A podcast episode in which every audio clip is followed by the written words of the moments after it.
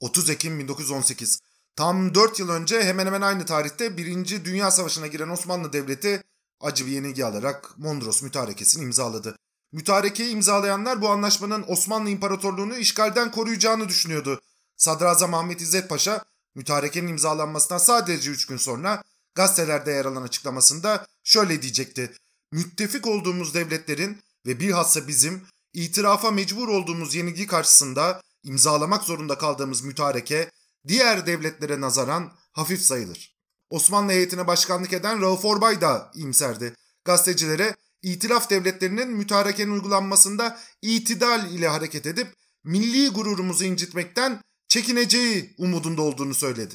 Ama mütarekenin bazı maddeleri çok açık uçluydu. Anlaşmanın 7. maddesi itilaf devletlerine güvenliklerinin tehdit altında olduğu herhangi bir yeri işgal edebilme hakkını veriyordu. 24. madde Ermeni nüfusunun fazla olduğu Doğu Anadolu bölgesinde karışıklık çıkması halinde itilaf devletlerine yine işgal hakkı tanımaktaydı. İtilaf devletleri uzun bir savaşın içinden çıkmıştı. Bu savaşta binlerce genci, sayısız kaynağı yok olan devletlerin diğer devletlere acıyacak hali artık zaten kalmamıştı. Zaferi kazananlar zafer sonrasındaki dünyayı da dikte etmek istiyordu. Yedinci madde son derece geniş olarak yorumlandı ve uygulandı. Ahmet İzzet Paşa'nın mütarekeyi hafif bulan açıklamasından sadece bir gün sonra Musul işgal edildi. Birkaç gün sonra Çanakkale Boğazı'nın iki tarafına İngiliz askerleri yerleşti. 11 Kasım'da Ahmet İzzet Paşa istifasını sundu. Tevfik Paşa hükümeti kuruldu. Üç gün sonra Muzaffer İtilaf Devletleri donanmasıyla Yunan savaş gemileri İstanbul'a girdiler. Aynı tarihte Adana Haydarpaşa treninden inen Mustafa Kemal İtilaf Devletleri donanmasına bakıp geldikleri gibi giderler diyecekti. 42 dakikanın bu bölümünde işgal yıllarına gidiyoruz. Mütareke İstanbul'unda dolaşacak, ardı ardına gelen işgalleri takip edecek, Kurtuluş Savaşı'nın başlangıcına kadar geçen dönemi hep birlikte değerlendireceğiz. Hepiniz hoş geldiniz.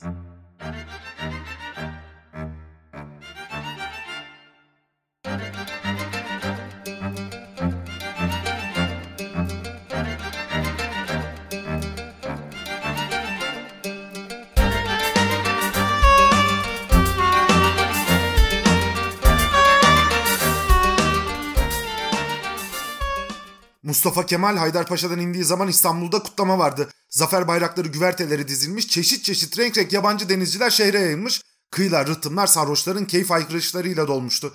Mustafa Kemal Beyoğlu'na, zafer kutlamalarının en yoğun yaşandığı bölgeye yöneldi. Perapalas Oteli'ne yerleşip sonra annesini ziyaret edecekti. Kendisini İstanbul'a çağıran Sadrazam İzzet Paşa istifa etmiş durumdaydı. Sadaret konağında bir görüşme yaptılar. Yanlarında Mustafa Kemal'in eski arkadaşı Fethi Bey de vardı. Acil bir müdahale planı yaptılar. Amaç Tevfik Paşa kabinesini düşürmek, İzzet Paşa'yı tekrar sadarete getirmek ve Mustafa Kemal'i Harbiye Nazırı yapmaktı. Planı hızla uygulamaya koydular. Tevfik Paşa kabinesinin meclisi mevusanda güven oyu alacağı gün Mustafa Kemal sivil kıyafetle Fındıklı Sarayı'nda meclis binasına gitti. Milletvekilleriyle ardı arkasına konuşmalar yapıyor, çoğunun da desteğini alıyordu. Büyük bir heyecanla oylama sonucunu beklerken siyasetin şok edici yönüyle karşılaştı. Tevfik Paşa kabinesi büyük bir çoğunlukla güven oyu aldı. Ne yalan söyleyeyim şaştım diyecekti. Benim teklifimi kabul edenlerin sayısı küçümsenecek gibi değildi. Fakat meclis duygularının bir an içinde bin renk alabileceğinden habersiz benim gibi bir asker için o andaki şaşkınlığıma hayret edilmemesi gerekir. Çok beklemedim. Meclise hemen terk ettim. Bu sefer hedef padişahtı. Görüşme talebi için Naci Paşa'ya başvurdu. Durum Vahdettin'e iletildi. Padişah Mustafa Kemal'e Cuma günü selamlığında bulunmasını bildirdi. O gün görüşeceklerdi. Görüşme bir kez daha Mustafa Kemal için yıkım oldu. Vahdettin esas konuları konuşmamak için bin dereden su getirdikten sonra dedi ki ordunun kumandan ve subayları eminim ki seni çok severler. Bana teminat verir misin? Onlardan bana fenalık gelmeyecektir. Bundan sonrasını Mustafa Kemal şöyle anlatıyor. Ben bu sorunun maksadını anlamadım. Ordu tarafından aleyhinizde bir harekete dair bilgi veya bulgunuz mu var efendim diye sordum. Gözlerini kapadı. Olumlu veya olumsuz bir cevap vermedi. Aynı soruyu tekrar etti. Gerçi ben İstanbul'a geleli sadece birkaç gün oldu. Durumu yakından bilmiyorum dedim. Ama ordu ve subayların sizinle karşı karşıya olması için hiçbir sebep göremiyorum. Onun için lütfen fenalık beklemeyin. Vahdettin çok belirsiz bir tarzda ilave etti. Yalnız bugünden bahsetmiyorum. Bugünden ve yarından. Son cümle bende bir şüphe uyandırdı. Demek ki yarın padişahın öyle bir hareket yapma ihtimali vardı ki ordunun vatansever subayları üzülebilir. Siz akıllı bir kumandansınız. Arkadaşlarınızı aydınlatıp yatıştıracağınızdan eminim dedi. Çok ümitsiz ve çok üzgün Vahdettin'in salonundan çıktım. Bir iki gün sonra artık Vahdettin'in niye böyle konuştuğunu anlamıştım. Meclisi mebusan feshedildi. Şişli'deki evimde yeni vaziyeti değerlendiriyordum. İstanbul sokakları itilaf devletlerinin süngül askerleriyle dolmuştu. Boğaziçi toplarını sağa sola çeviren düşman zırhlılarıyla doluydu. Herkes ancak pek zorunlu ihtiyaçları için evinden çıkıyor. Sokaklarda akla hayale gelmeyecek hakaretlere uğramamak için caddelerin duvar diplerinden büzülerek yürüyordu. Koskoca İstanbul ve koskoca İstanbul'un yüz binlerce halkı sesleri kesilmiş bir haldeydi. İstanbul ufuklarında yükselen şeyler yalnız düşman sesleri, düşman hakaretleri, düşman bayrak ve süngüleriydi. Hayrettir artık adi bir mezbele gibi ayaklar altında çiğnenen bu yerde hala bir saltanat, hala bir hükümet, hala bir varlık farz edenler vardı. Mustafa Kemal o tarihlerde Harbiye nazır olmak istiyordu. Bu sayede orduyu ayakta tutabileceğini ve belki bir direniş örgütleyebileceğini düşünüyordu. Bir süre Pera çalışmalarını sürdürdü. Çeşitli arkadaşlarıyla görüşüyor, fikir alışverişinde bulunuyordu. Ama Pera misafirliği uzun sürmedi. İstanbul'a gelirken atlarını satmış, 2000 altın kazanmıştı. Cemal Paşa Suriye'de bu atları 2000 değil 5000 altına satınca kalan 3000 altını da Mustafa Kemal'e göndermişti. Mustafa Kemal bu parasını apaplarının tavsiyesi üzerine bir iş adamına yatırdı. Hesaba göre incir ticareti yapılacak, buradan da geçimine yeter bir para kazanacaktı. Parayı senesiz sepesiz bu yetenekli iş adamına verdi. Günler geçti ama iş adamından haber çıkmadı. Mustafa Kemal soluğu iş adamının yanında aldı. İş adamı gene kendisini temin etti. İş sağlamdı.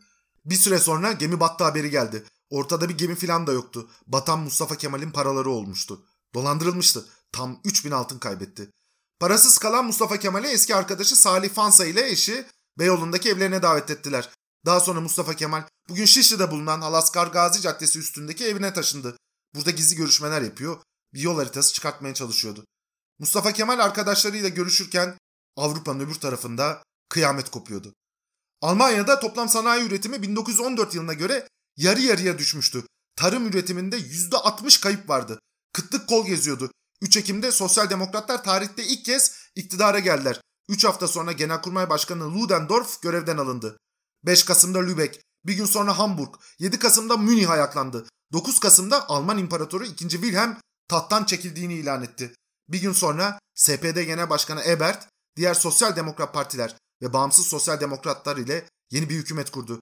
Ebert, Genelkurmay Başkanı Groner ile bir ittifak yaptı. Sosyal demokratlar ordu hiyerarşisine dokunmayacak, imparatorluk subaylarını koruyacak, ordu da hükümete bağlı kalacaktı. Rosa Luxemburg gibi önemli isimler serbest bırakıldı. Almanya'da sol iktidara gelmiş ve adil bir barış istiyordu. Parantez açalım. Bu olayların etkilediği biri daha vardı. Gidecek bir evi, herhangi bir işi, göze batan bir yeteneği veya hiçbir bağlantısı olmayan genç bir adam.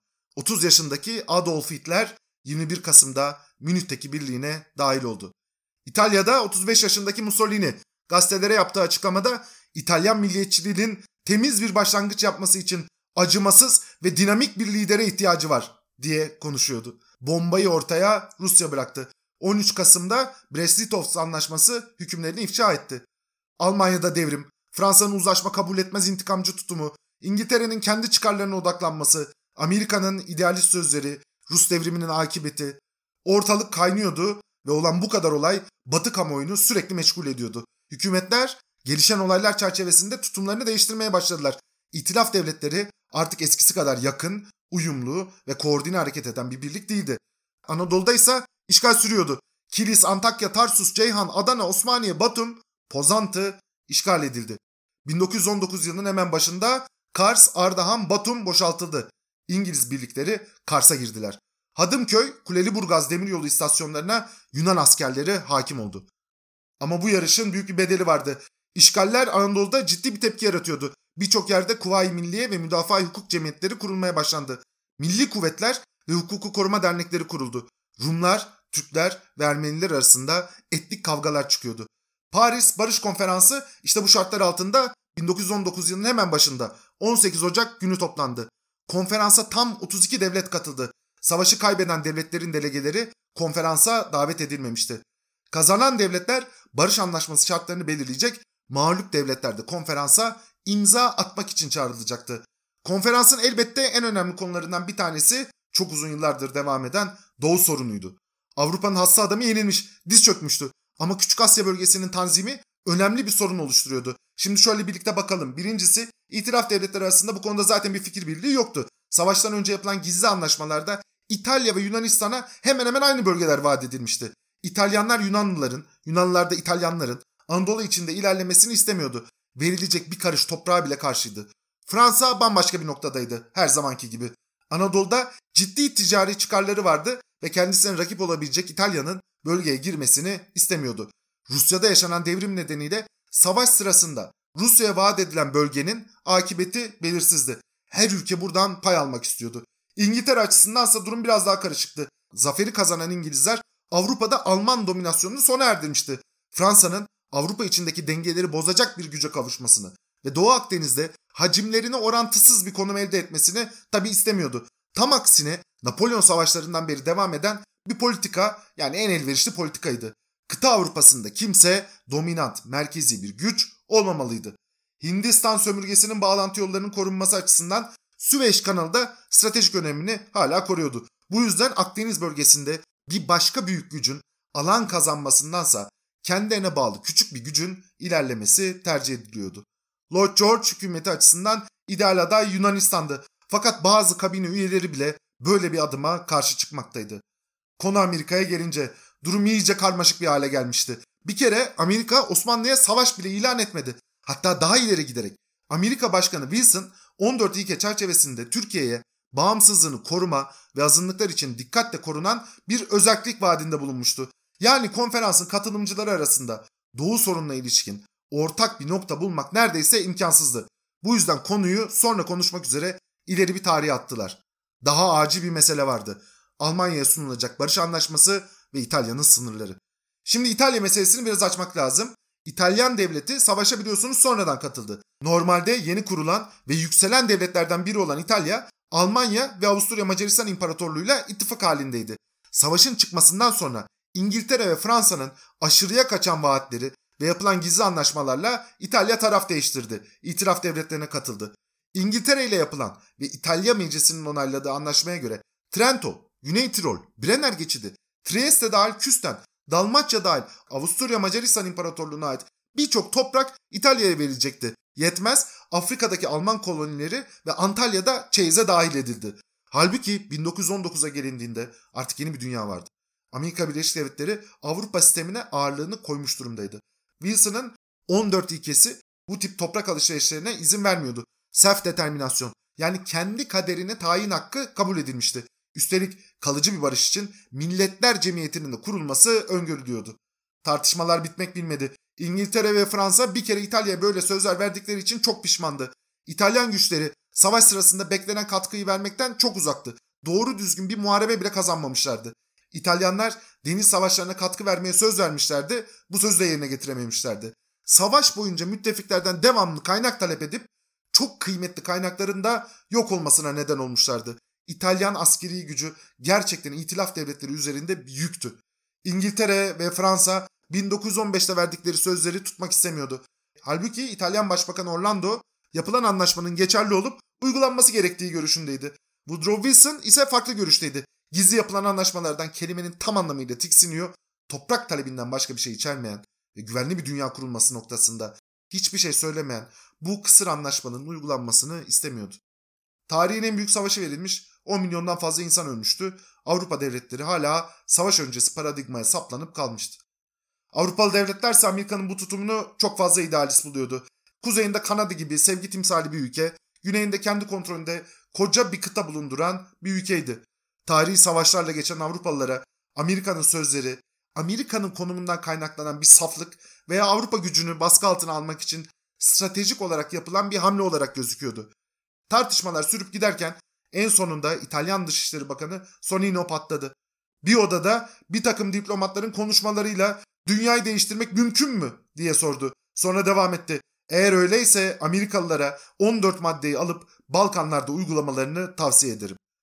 Bu laf belki konferansta birkaç kişiyi güldürdü ama ortadaki sorunu da çözmeye yetmedi. 1919 yılı Mart ayında Benito Mussolini İtalyan Faşist Partisi'ni kurdu. Büyük bir toplumsal desteği vardı. Savaşın muzaffer galipleri arasında yer alan İtalya diyordu. Hak ettiğini almalıdır. Bölgede kalıcı barışın yolu boş sözlerden değil Pax Romana'dan geçer. Şimdi Orlando hükümeti üstündeki milliyetçi baskı da böylece büyüyordu. Yapılan görüşmeler sonuçsuz kaldıkça Orlando içeride güçsüz ve İtalyan çıkarlarını koruyamayacak kadar zayıf gözükmekteydi. İtalya konferansta bastırıyor. Esas dörtlünün kalan 3 üyesi Amerika, Fransa ve İngiltere İtalya'nın isteklerini cevapsız bırakıyordu. Üstelik konferans gündemi de aşırı yoğundu. Tek bir gün mesela 31 Mart'taki gündemi sayıyorum. Almanya'nın tazminatları, sağır kömür kaynakları, Rhineland'in işgali, Polonya, Channel Tüneli, Belçika'nın talepleri, Macar devrimi, Macaristan-Romanya çatışması, Fransa'daki grevler, Amerika-İngiltere deniz rekabeti. Yani içinden çıkılmaz bir durum. Müttefikler birbirine girmiş durumdaydı. 23 Nisan'da Wilson en sonunda bir açıklama yaptı. 1915 yılında Londra'da yapılan anlaşmanın geçersiz kabul edilmesi gerektiğini bildirdi. İtalya, İtalyan nüfusunun fazla olduğu Trentino ve Tirol'ü alabilirdi. Başka bir şey yoktu. Orlando ve Sonino konferansı terk ettiler. İtalyan heyeti konferanstan tamamen çekildi. Paris bu olanlarla çalkalanırken dünyada durumu en iyi şekilde okuyan iki insan vardı. Birincisi Yunan Başbakanı Eleftherios Venizelos ve ikincisi Paris konferansını devamlı takip eden Mustafa Kemal. Venizelos Fransa ve İngiltere'de adeta bir hayran kitlesine sahipti. Fransız Başbakanı Clemenceau kendisi için şöyle diyordu. Kendisinin yanında Ulysses sadece küçük bir adam. Birinci sınıf bir diplomat, titiz, hassas, her zaman hazırlıklı ve ne istediğini bilen bir adam. Lord George altta kalacak değildi. Venizelos diyordu. Perikles'ten bu yana Yunanistan'ın yetiştirdiği en büyük devlet adamı. Venizelos'un Türkiye hakkındaki fikirleri ise çok açıktı. Şöyle, Türkler dürüst, çalışkan ve teba olarak iyi insanlar ama yönetici olarak katlettikleri milyonlarca Ermeni ve 300 bin Rum'un ispatladığı gibi medeniyet için sadece kara bir lekeler. Fırsatı görmüş durumdaydı. Peki fırsat neydi? Şimdi sadece mantıklı bir politikacı olarak bakalım. Batı dünyası birbirine girmiş, Türk ordusu dağılmış. İngiltere ve Fransa zaten kendisini destekliyor. Venizelos'un o zamanki büyük projesi Megali Idea yani Büyük Yunanistan. Batı Ege, Akdeniz, Doğu Karadeniz'e kadar Pontus coğrafyasını Yunanistan'a bağlamak istiyor. Bu şekilde büyük bir Yunanistan kurulacak. Çok akıllı bir siyasetçi olarak İstanbul hakkında hiçbir talepte bulunmadı. Bunun İngiltere ve Fransa ile müzakereleri zora sokacağını görüyordu. Ama İstanbul'daki Fener Rum Patrikliği üzerinden Batılı devletlere gereken mesaj verildi. İstanbul'daki Ortodokslar başka bir devlet yerine Yunan egemenliğini zaten tercih ederdi. İtalya konferanstan çekilince Venizelos gereken müdahaleyi yaptı. Clemenceau ve Wilson ile görüşerek Yunan taleplerini iletti. Megali İder'dan da falan bahsetmedi. Anadolu'da karışıklık vardı. Rum ve Türkler arasında etnik çatışmalar sürüyordu. Henüz güvenlik sağlanmış değildi. Yunanistan bölgeye müdahale edip gereken güvenliği sağlayabilirdi. 6 Mayıs'ta İtalyanların konferansa dönüşünden bir gün önce Wilson bir konuşma yaparak Yunanistan müdahale edecekse bugünün yarından daha iyi olduğunu söyledi. İngiltere ve Fransa da aynı fikirdeydi. Artık kapı açılmıştı. Halbuki büyük devletlerin bazı yöneticileri de bu fikre hiç olumlu bakmıyordu. İngiliz Genelkurmay Başkanlığı tarafından hazırlanan raporda aynen şu ifadelere yer verildi. Yunan işgali sürekli devam edecek bir isyan başlatabilir. Büyük olasılıkla Türkler organize bir çabayla işgal edilen toprakları yeniden ele geçirmeye çalışacak. Yunanistan'ın meşhur generali Meteksas da aynı fikirdeydi. Venizelos'a verdiği raporda Yunanistan devletinin bu kadar geniş bir bölgeyi kontrol edebilecek kaynaklara ve organizasyon kabiliyetine sahip olmadığını bildirdi. Uzun yıllar savaşan, toplam savaşın nelere mal olduğunu ve neler gerektirdiğini bilen kurmay subaylar daha hesaplı hareket ediyordu. Siyasetçiler ise popülist bir dalganın üstünde uçmaktaydı. Venizelos kurmaylarının sözlerine kulak asmadı. Rubikon geçildi. 14 Mayıs'ta Yunanistan'ın işgal edeceği haberini alan Türkler İzmir'de büyük bir protesto mitingi düzenlediler. 15 Mayıs'ta Yunan askerleri İzmir'e çıkartma yaptı. Bu sefer İzmir nüfusunun çoğunluğunu oluşturan binlerce Rum gelen askerleri coşkuyla karşılıyordu. Hasan Tahsin de limanda askerleri karşılananlar arasındaydı. Yunan askerlerine ateş açtı. Bir asker hayatını kaybetti. Yunan askerleri çıldırmış gibiydi. Hasan Tahsin öldürüldü. Yunan askerleri çevreye yaylım ateşine başladılar. Subaylar dipçikle ve tekmelenerek öldürüldü. İlk gün tam 400, 16 Mayıs'a kadar 5000 Türk, Yunan askerleri ve Rum çeteler tarafından katledildi. İzmir'de idarenin başına sivil bir insan olan Aristidis Teriadis atanmıştı. Venizelos'un yakın çevresinden bir insandı. Hukukçuluğu ve İslam hukuku üzerine bilgisiyle tanınıyordu. Yanya valiliği sırasında azınlıkların haklarına saygı gösteren bir memur olmasıyla saygı görmüştü. Yaşanan olaylardan son derece mutsuzdu. Cinayetlerden sorumlu tuttuğu Yunanlıları cezalandırdı. Ortodoks kilisesinin aşırı taleplerine karşı direndi. Venizelos da olaylar üstüne bir talimat gönderdi. Şöyle yazıyordu. Eğer İzmir'deki askerlerimiz toksik fikirlerini bir kenara bırakıp kendilerine gelmez, yapılan aşırı eylemlere son verip bunları cezalandırmazsa en sonunda her şey biter ve aşağılanarak İzmir'den sürüdürüz. İzmir'de yaşananlar Türkleri de yeniden ayağa kaldırdı. Yenilginin şoku bitmiş, yaşananların ağır darbesiyle toplumsal bir isyan ruhu yeniden oluşmaya başlamıştı. Mustafa Kemal bütün olanları dikkatle takip ediyor, arkadaşlarıyla görüş alışverişinde bulunuyordu. Birincisi, Batı devletleri arasında uyum bozulmuştu, bunu görüyoruz. Birbirleriyle çatışan çıkarları Türkiye gibi bölgede uzun süreli bir askeri harekata izin vermiyordu. İki, uzun savaş yılları boyunca birçok insanını kaybeden Batı toplumlarında savaş fobisi oluşmuştu. Dolayısıyla hükümetler yeni bir savaşa asker göndermek konusunda isteksizdi. Üçüncüsü Fransa ve İngiltere'nin öncelikli çıkarları Güneydoğu bölgesi değil Suriye ve Mezopotamya'ydı. Yani bugünkü Irak. Burada da direniş hareketleri vardı ve Güneydoğu bölgesinden bir işgal hareketine girişmeleri imkansız değilse de zordu. 4. Savaş demek insan kaynağı ve lojistik demek bunu biliyoruz. Yunanistan Anadolu içlerine kilometrelerce uzanan bir araziyi kontrol edebilecek insan kaynağından ve bu insan kaynağını besleyebilecek lojistik imkanlardan mahrumdu. Anadolu'nun yıllarca süren bakımsızlığı, altyapı eksikliği işgalci ordular için de sorun oluşturuyordu. 5. Her ne kadar ordu dağıtılmış olsa da Anadolu'da örgütlenebilecek kuvvetler ve direniş hareketi vardı. Mustafa Kemal Trablusgarp'ta gayri nizami harp örgütlemiş, direniş hareketlerine komuta etmiş bir subaydı. Bu konuda gelişkin bir bilgisi ve tecrübesi vardı. İlginç bir nokta olarak söylemek lazım. Mustafa Kemal'in İstanbul'da olduğu sırada Kurtuluş Savaşı'na öncülük eden bütün kadrolarda neredeyse İstanbul'daydı. İsmet İnönü, Fevzi Çakmak, Kazım Karabekir, Ali Fuat Cebesoy, Refet Bele, Rauf Orbay, Kara Vasıf Bey, Nurettin Paşa, Kemalettin Sami Paşa, Mersinli Cemal Paşa, Adnan adı var. Daha sonra Milli Mücadele'nin fikir kadrosunu oluşturacak Fali Rıfkı Atay, Ruşen Eşref, Yunus Nadi, Halide Edip adı var. Hüseyin Ragıp, Ziya Gökalp, Hamdullah Supi herkes İstanbul'daydı. Mustafa Kemal özellikle Selanik'ten çocukluk arkadaşı Ali Fuat Cebesoy'la çok yakın çalıştı. Milli mücadelenin ana fikri çerçevesi burada çizildi.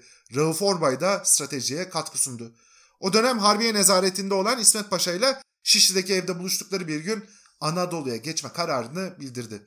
Çevrelerinde çember daralıyordu. Arkadaşları tutuklanıyor. İstanbul'daki işgal yönetimi sertliğini gittikçe artırıyordu. Padişahın hükmü Bebek karakolundaki İngiliz subayına bile geçmiyordu.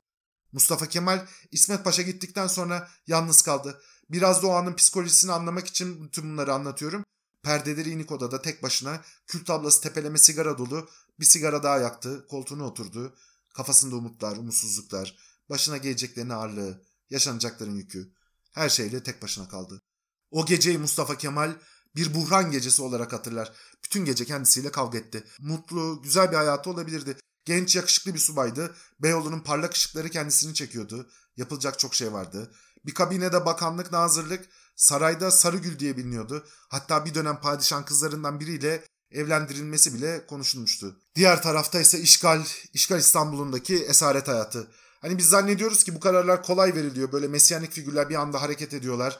Duygu yok, düşünce yok, hayal, özlem hiçbir şey yok. Makine gibi. Hiç değil, alakası yok.